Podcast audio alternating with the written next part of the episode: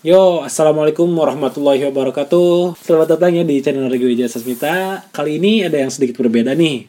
Biasanya kan saya bikin vlog atau bikin tutorial bahasa Jepang. Nah, untuk kali ini saya coba bikin podcast-podcastan lah ya. Kenapa saya bikin podcast? Soalnya saya pikir pengen lebih banyak memberi manfaat aja ya dibanding ngevlog kan cuma jalan-jalan aja mungkin cuma ngeliatin apa pemandangan-pemandangan itu juga bagus ya. Tapi ya saya ingin lebih ke banyak nge-share-nya deh dari sekarang ya. Kan kalau ngobrol kayak gini contohnya bawa tamu bawa siapa bawa orang gitu kan ngobrol sama dia cerita-cerita nge-share kan itu lebih banyak manfaatnya mungkin ya mungkin nggak tahu nanti kita lihat aja. Dan untuk kali ini podcast yang pertama sebenarnya saya udah kedatangan tamu ya sebenarnya ini ya. Oke Yo, selamat datang, Kalter. Yo, Regi. Gimana kabarnya nih? Alhamdulillah. Oke, Kalter ini kalau yang belum tahu ya teman-teman, dia itu seorang guru bahasa Jepang ya, sama kayak saya lah ya. Mirip-mirip lah ya, tapi dia guru guru guru guru guru gitu ya, yang bener ya. Jadi kebetulan udah bikin channel juga katanya ya. Iya, baru banget sih. Jadi gak, belum ada banyak videonya dan masih dikit subscribernya. Oke siap, nanti kita cek aja ya. Mungkin kita nanti subscribe juga. Jadi katanya udah bikin channel dan ya kali ini ya pertama kali dan podcast yang ingin saya awali adalah dengan ya dengan dengan sesuai dengan kehidupan saya lah ya, sesuai dengan genre-genre kita lah ya. Ini dengan tentang bahasa Jepang atau tentang kejepangan lah ya, tentang Jepang. Nah, oke lagi, gini gini lagi gimana kalau sekarang gua yang jadi hostnya dan untuk podcast pertama lu biar gua aja nih yang jadi pembawa acara aja dan lu jadi bintang tamu awalnya gitu biar gimana ya? Kalau menurut gue sih kalau bagusnya itu jadi podcast pertama itu nyeritain nyeritain lo dulu aja gitu bener gak bener setuju gak setuju gak aduh kok jadi gitu sih? Kan gue jadi pembawa acara di sini. Enggak enggak enggak enggak biar gue aja yang wawancara lo dan lu ceritain aja apa mungkin dari yang ingin lu tanyain apa sih coba sebenarnya kalau ke, ke bintang tamu awal lu? Ya biasa aja sih tanya tentang uh, perkenalan dulu ya tentu ya perkenalan terus nanyain gimana dia dari asal dari mana terus nyeritain dari awal sampai sekarang tujuan hidupnya kayak gimana gitu kan. Contohnya kalau sekarang kan jadi guru bahasa Jepang nih. Kenapa bisa jadi guru bahasa Jepang apa kikakenya lah kalau dalam bahasa Jepangnya alasan-alasannya kenapa sih pingin jadi guru bahasa Jepang dan perjuangannya dari awal kayak gimana gitu. Oke, kalau gitu biar gua aja yang wawancara lo, oke? Okay? Hmm, ya udah bagus lah ya, ide bagus ya. Ya udah kamu tanya aja apa coba. Oke ya tadi aja. Berarti kenalin dulu diri lo, terus kenapa lo bisa terjun ke bahasa Jepang, ya ke jurusan bahasa Jepang sampai sekarang kan lo S2 kan ya. Nah itu kenapa bisa kayak gitu? Awalnya gimana? Ceritain deh sepengennya lo kayak gimana. Oke jadi oke ya permisa ternyata ini malah malah saya yang diwawancara nih Gak apa-apa ya biar podcast pertama ini saya yang cerita aja deh Terus lu gak, gak ngapa-ngapain dong sekarang kamu? Ya gue wawancara lo aja. Nanti aja gue episode-episode kapan deh kalau YouTube-nya udah sukses. Oke. Kalau YouTube-nya udah sukses, sukses ya. Siapa? Berarti sekarang gua dulu ya cerita apa ya? Oh ya, mungkin perkenalan dulu aja ya karena sok-sok terkenal sih kan banyak yang nggak kenal mungkin ya. Oke, jadi nama saya Regi Wijaya Sasmita. Saya berasal dari Majalengka. Kalau yang belum tahu Majalengka itu perbatasan dengan Sumedang, Garut, Ciamis, Tasikmalaya, Cirebon. Ya, kalau nggak salah. Tapi saya tinggalnya itu di sebelah selatannya ya sebelah selatan Majalengka daerah-daerah gunungnya lah. Jadi lebih dekat ke Sumedang sih daripada ke eh kalau kalau dari jarak sih deket ke Sumedang ya. Kalau perbatasan langsung ke Sumedang soalnya. Jadi kalau jadi kalau bahasa itu lebih dekat ke bahasa Sunda Sumedang lah ya daripada Majalengka dataran gitu ya. Daripada Majalengka daratan gitu oke. Oke saya lahir di sana di Majalengka dan besar di sana sampai SMA setelah SMA baru saya pergi ke Bandung untuk melanjutkan kuliah ya S1 di Bandung di Universitas Pendidikan Indonesia disingkat UPI tapi banyak yang bilang UPI itu bukan Universitas Pendidikan Indonesia tapi universitas padahal IKIP katanya dulunya IKIP ya. Tapi itu semua hurry aja ya oke? Lanjut. Nah itu ya intinya perkenalannya gitu dari Majalengka nah Oke, sekarang lu coba jelasin kenapa lu bisa masuk bahasa Jepang dan kenapa lu pengen masuk jurusan itu terus kenapa sekarang lanjutin juga S2-nya di ya mengenai bahasa-bahasa Jepang juga gitu. Oke, itu pertanyaannya ya. Jadi awalnya itu dulu sebenarnya nggak pengen sih ya dari SMA itu nggak kepikiran oh saya pengen masuk bahasa Jepang gitu nggak ada dulu sih sebenarnya. Jadi awal-awalnya itu justru saya pengen masuk ke jurusan komputer ya dulu itu ya. Karena mungkin pas tahun 2011, 2012 dulu lagi booming-boomingnya kan ya internet gitu kan banyak game online ya dulu dulu sering-sering uh, main game online juga gitu. Tapi sebenarnya sih sebelum itu gitu ya pas SMP juga atau mungkin pas SD mau masuk SMP itu sebenarnya udah akrab sih dengan komputer ya. Jadi di rumah itu dulu gak ada sih gak ada ya. Awalnya awalnya itu di tempat kerja bapak saya ya. Jadi bapak saya tuh di kantor di kantornya itu ada komputer. Nah biasanya pas malam-malam itu sering main gitu ke kantor main game atau main apalah ya ngutak atik komputer gitu. Jadi dari sana itu mulai suka gitu ke komputer ya. Mulai suka dan akhirnya pas SMP dibeliin komputer ya yang jadul mungkin teman-teman pengalaman ya. Si tabung komputer apa si layarnya itu yang masih tabung itu yang gede gitu ya. Gede itu dan si CPU-nya yang ya yang usang yang tua ya tapi ya itu lumayan ya kalau zaman dulu itu Pentium 4 namanya ya si prosesornya itu. Dari sana ya terus ngulik-ngulik komputer eh, juga gitu ya. Kalau dulu gak gak programming sih ya. Ya ngutak atik ya software-software yang ada di sana lah. Dan dulu juga internet masih belum sebagus sekarang lah. Jadi cuman ya offline offline aja gitu. Ngutak atik edit video atau apa gitu kan dari SMP terus gitu ya ke SMA nah ya udah karena sukanya itu nanti pas lulus SMA lah pengen masuk jurusan komputer biar bisa main game apa bisa biar biar bisa bikin game biar bisa bi, biar bisa bikin software dan lain-lain. Dan akhirnya ya pas ujian masuk ke universitas itu pilihannya komputer. Tapi ya itu itu dia. Rezekinya belum di sana ya intinya ya Terus lu gimana bisa ke bahasa Jepang itu gimana jalannya gitu? Oke. Jadi untuk jalannya sendiri jadi tadi yang ujian yang pertama ya, saya kan pilih komputer tuh. Dulu itu kalau gak salah di Undip ya, universitasnya Undip pilihan pertama itu teknik informatika, yang kedua itu sistem komputer kalau gak salah ya. Ternyata semuanya gagal. Oke, mungkin ganti universitas. Terus ganti dulu itu dari ke UPI ya, jurusan ilmu komputer di UPI pilihan keduanya kalau gak salah apa ya? Apalagi gak inget pokoknya yang pertama itu ilmu komputer dan akhirnya gagal lagi. Dan akhirnya pilihan terakhir nah dari sana mungkin gue gak gak ada gak ada kemampuan deh di komputer gitu ya. Atau gak tahu deh gimana masuk universitasnya sulit lah waktu itu ya. Eh buat buat saya ya buat saya sulit ya Uh, mungkin karena memang saya terlalu banyak main game ya pas SMA-nya. Otak saya gak terlalu pinter sih dulu ya dan kebanyakan main game online. Jadi pas mau masuk ujian itu pas-pasan gitu kan nilainya ya. Jadi gak masuk komputer dan uh, perjuangan terakhir itu di UPI jalur mandiri ya ujian mandiri. Terus di sana saya mulai memutar otak nih.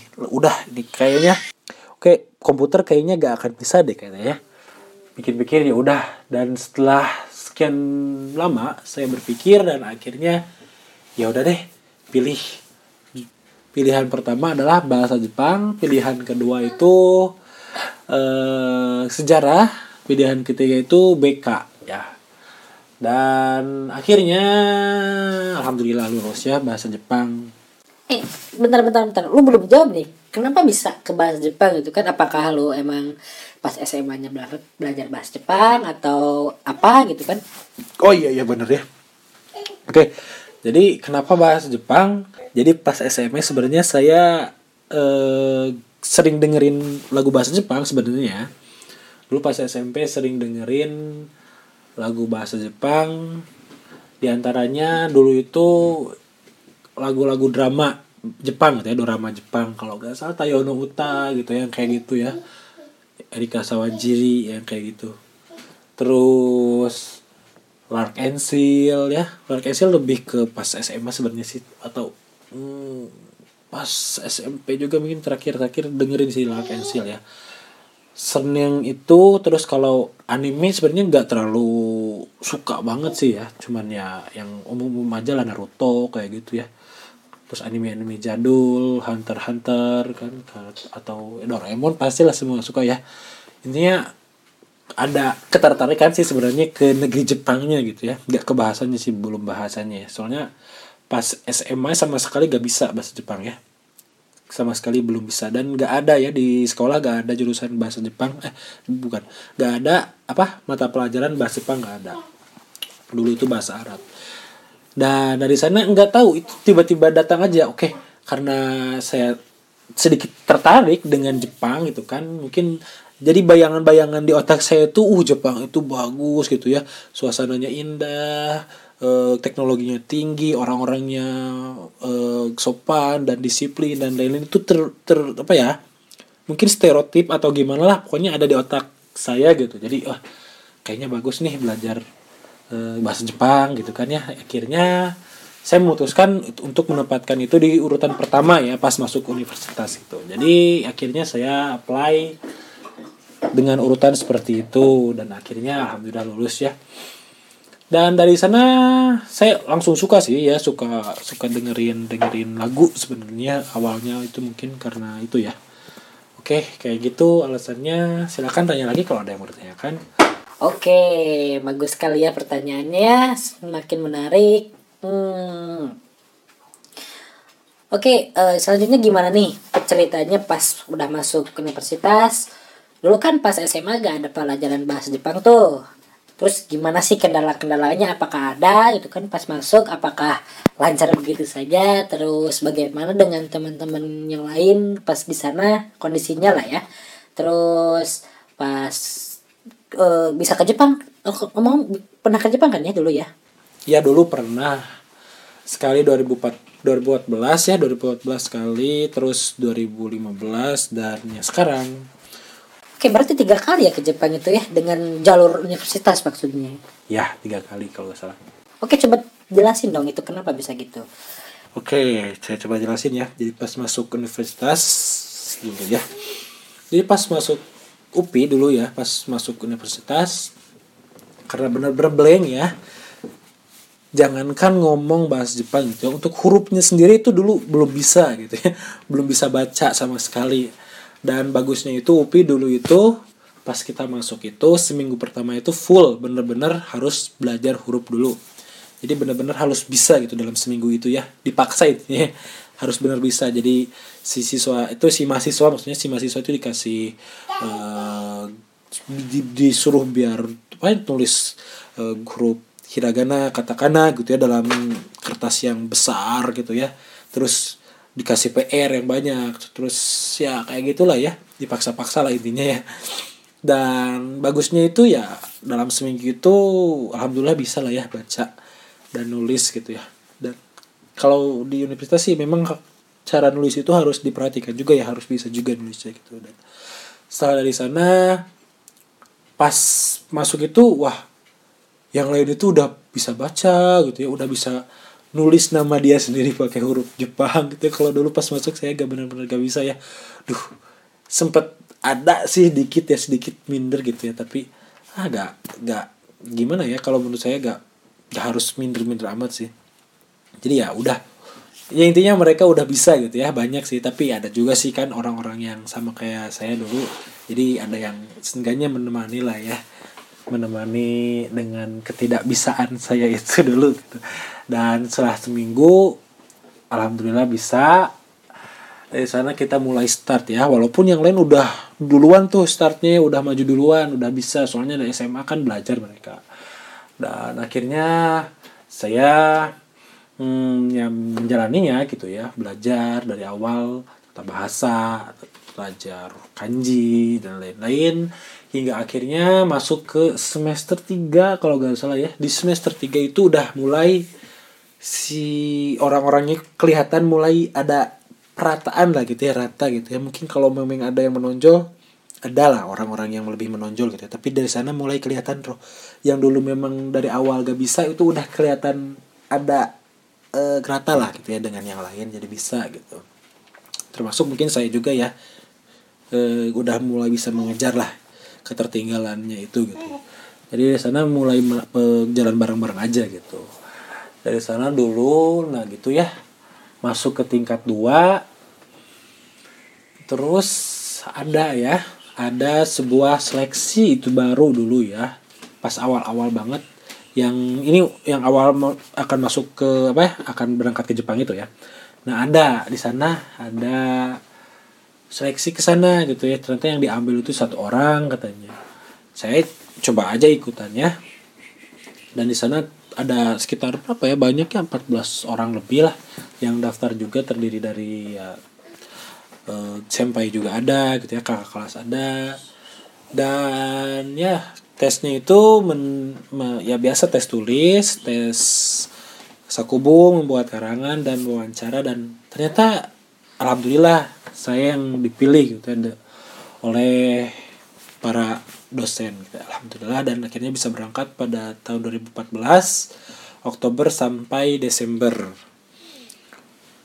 Wah pinter juga ya oh enggak sih bukan karena pinter kayaknya nggak tahu sih. Soalnya ya kalau ujiannya ya kayak gitu aja sama aja bikin sakubu dan lain-lain. Ya itu ya alhamdulillah dari Allah lah ya. Keberuntungan aja lah mungkin ya alhamdulillah. Dari keberuntungan aja. Oke kayak gitu. Terus yang selanjutnya yang 2000 16 yang 15 ya 15 ya 2015 itu ikut ujian juga. Nah tapi untuk yang itu saya masuk ke peringkat 7 sih ya. Yang lain yang satu dua itu udah benar-benar udah berangkat ke Jepang ya tapi dan ini keberuntungan juga ya alhamdulillah dari Allah. Ada lagi gitu ya ternyata dari Tokyo itu ya dari universitas di Tokyo namanya Tokyo Gakuge University meminta juga gitu bahwa diusahakan oleh dosen agar bisa memberangkatkan lagi dua orang. Dan dari yang atas atas atas saya itu yang enam lima ke atas itu ditawarin sih mungkin ya tapi mereka menolak dan pada saat ditawarin saya terima aja lah rezeki kan ya. Dan alhamdulillah bisa uh, berangkat lagi ke sana 2015 dan yang terakhir yang sekarang itu pas 2000 19 eh, ya kemarin ya. Setelah saya lulus kuliah ya intinya 2017 saya lulus uh, dan kerja langsung saya bekerja di perusahaan Jepang di Bandung selama satu setengah tahun karena pengen lanjutin saya resign sempat ngajar juga di tempat kursus selama enam bulan dan akhirnya alhamdulillah sekarang saya udah di sini di Hiroshima ya dan baru masuk nanti sih April sebenarnya ya untuk S2-nya. Jadi 6 bulan ke ke belakang itu masih penelitian ya. Oke, seperti itu ya ceritanya ya. Uh. Ternyata kayak gitu ya. Tapi singkat banget ceritanya. Karena itu saya singkat sih kan banyak ya kalau mau diceritain detailnya kan berapa jam lama ya. Nanti aja lah. Cuma ini ringkasan aja lah, ringkasan aja ya. Oke, ringkasan aja. Jadi kayak gitu ya. Coba jelasin deh apa ada kesan gak gitu apa mungkin yang bisa di share gitu ya ke teman-teman yang sekarang dengerin gitu kan kira-kira apa deh Oke, apa ya yang kira-kira bisa di share jadi pelajaran? Oh iya, mungkin ini ya. Uh, dulu pas kuliah itu sering ya, bukan bukan bukan pernah lagi sering denger ada orang yang, duh saya kejeblos nih, saya kejeblos masuk jurusan ini, jurusan ini, terus ujung-ujungnya itu malah jadi alasan buat dia buat apa ya alasan dia buat malas-malasan gitu ya kuliahnya di jadi jarang masuk kuliah atau masuk kuliah pun apa ya intinya ya.